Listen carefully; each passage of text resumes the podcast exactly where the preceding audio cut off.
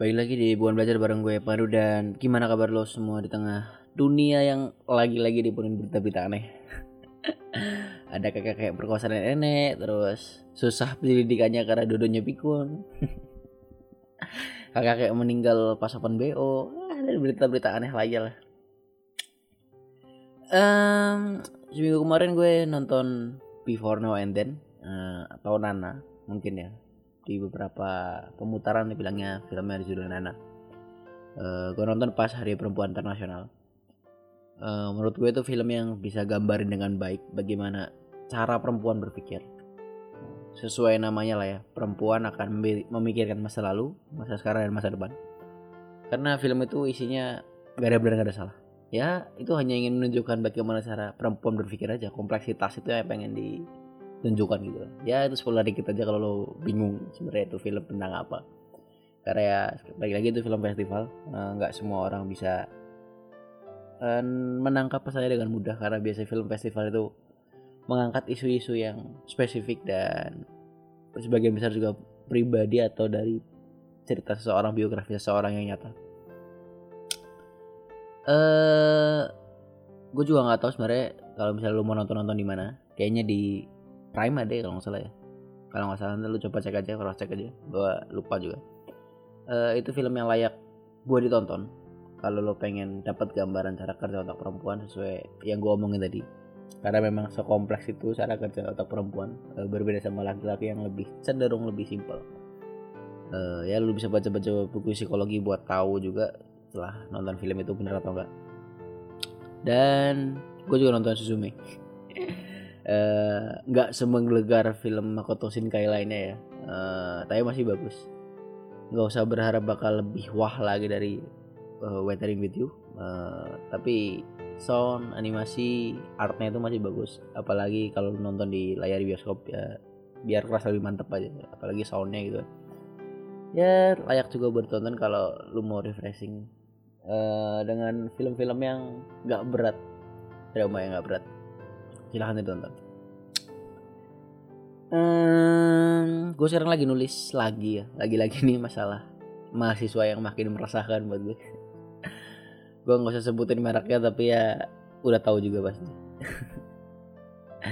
Uh, gue rasa kejadian demo menolak uang pangkal di salah satu tempat itu jadi tanda kemunduran besar buat mahasiswa seluruh Indonesia. Ya gua tanpa gue sebut merek pasti udah tahu lah. Gimana? Uh, demo yang ujungnya para pendemo ini malu sendiri karena isu yang didemokan ternyata salah. Apa yang dipahami oleh mahasiswa tentang isu itu salah total yang pertama gimana ceritanya mahasiswa salah menangkap pemahaman dan meyakini kalau kesalahan itu adalah kebenaran. Kalau salah ya dibenerin dulu gitu kan baru diangkat isunya. Yang bener ini dibenerin aja belum udah diangkat. Terus kesalahan tersebut itu terjadi di kepala banyak mahasiswa. Nggak cuma satu. Gue nggak tahu ada berapa gue nggak ngitungin orangnya gue cuma lewat doang. Nengok ke atas gitu ya dibilang nggak banyak juga ya. Mungkin satu fakultas juga nggak ada kalau dihitung. Mungkin ya. Gue nggak tahu. Karena ya gue coba lihat sekilas dong cuma segerombolan itu. Dan yang lebih parahnya lagi eh, pemikiran yang belum benar itu kan dibawa ke forum besar yang tuh di demo itu ya. Nah kalau aktivis tahu ya kayaknya mereka mending gak usah usaha mati-matian dulu gitu kan. Sia-sia men. Figur mahasiswa sebagai sosok penggerak negara itu hancur seketika jadi sampah aja kan di ini dan gua rasa kayak gini udah bukan pertama kalinya. Udah sering kejadian di era sekarang dan gua rasa udah jadi kebiasaan juga kayak gini tuh ini tuh sebenarnya sama aja kayak orang-orang bikin gerakan jangan bayar pajak kemarin. Isu yang diangkat nggak pernah bener. Ternyata kayak gini tuh dilatih dari kuliah gitu.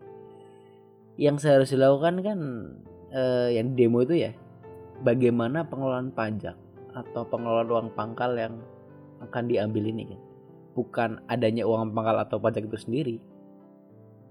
Karena namanya pembangunan itu kan bagi instansi organisasi besar itu kan bisa dibilang kewajiban ya karena uh, kemajuan sebuah instansi organisasi besar itu diukur dari perkembangannya seperti apa. Nah kalau nggak ada uang pemasukan gimana instansi atau organisasi itu akan berkembang gitu? Dari mana dananya gitu?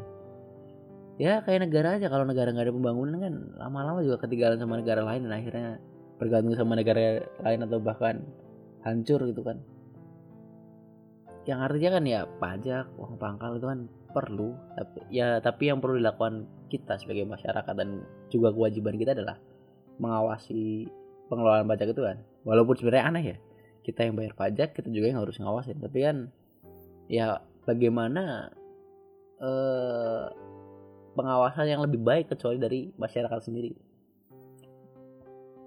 Nah ini kan juga sama aja kayak misalnya orang-orang pada marah-marah di jalan padahal sih nembak gitu.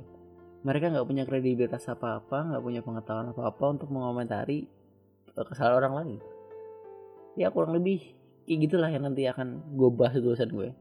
Tungguin aja karena gue masih ya merangkai-rangkai kira-kira yang bagus gimana uh, yang menyinggung tapi adalah kebenaran seperti apa ya tungguin aja lah uh, terus perkembangan magang gue sekarang udah makin menantang uh, makin banyak uh, bobot pekerjaan yang semakin sulit dan itu sendiri udah melakukan seleksi alam. Kemarin aja gue jalan praktek di magang gue nih waktu masih training yang harusnya berkelompok berdua-dua uh, akhirnya gue kerjain sendiri. Karena yang seharusnya jadi teman kelompok gue partner kelompok gue ini hilang gitu aja dari awal di kontak bahkan nggak bisa dari awal. Ya nggak ada kabar lah sampai sekarang tuh anak kayak gimana ya makanya menunjukkan kualitas anak muda yang katanya generasi penerus bangsa. Udahlah gitu aja. Balik urusin jual sendiri sana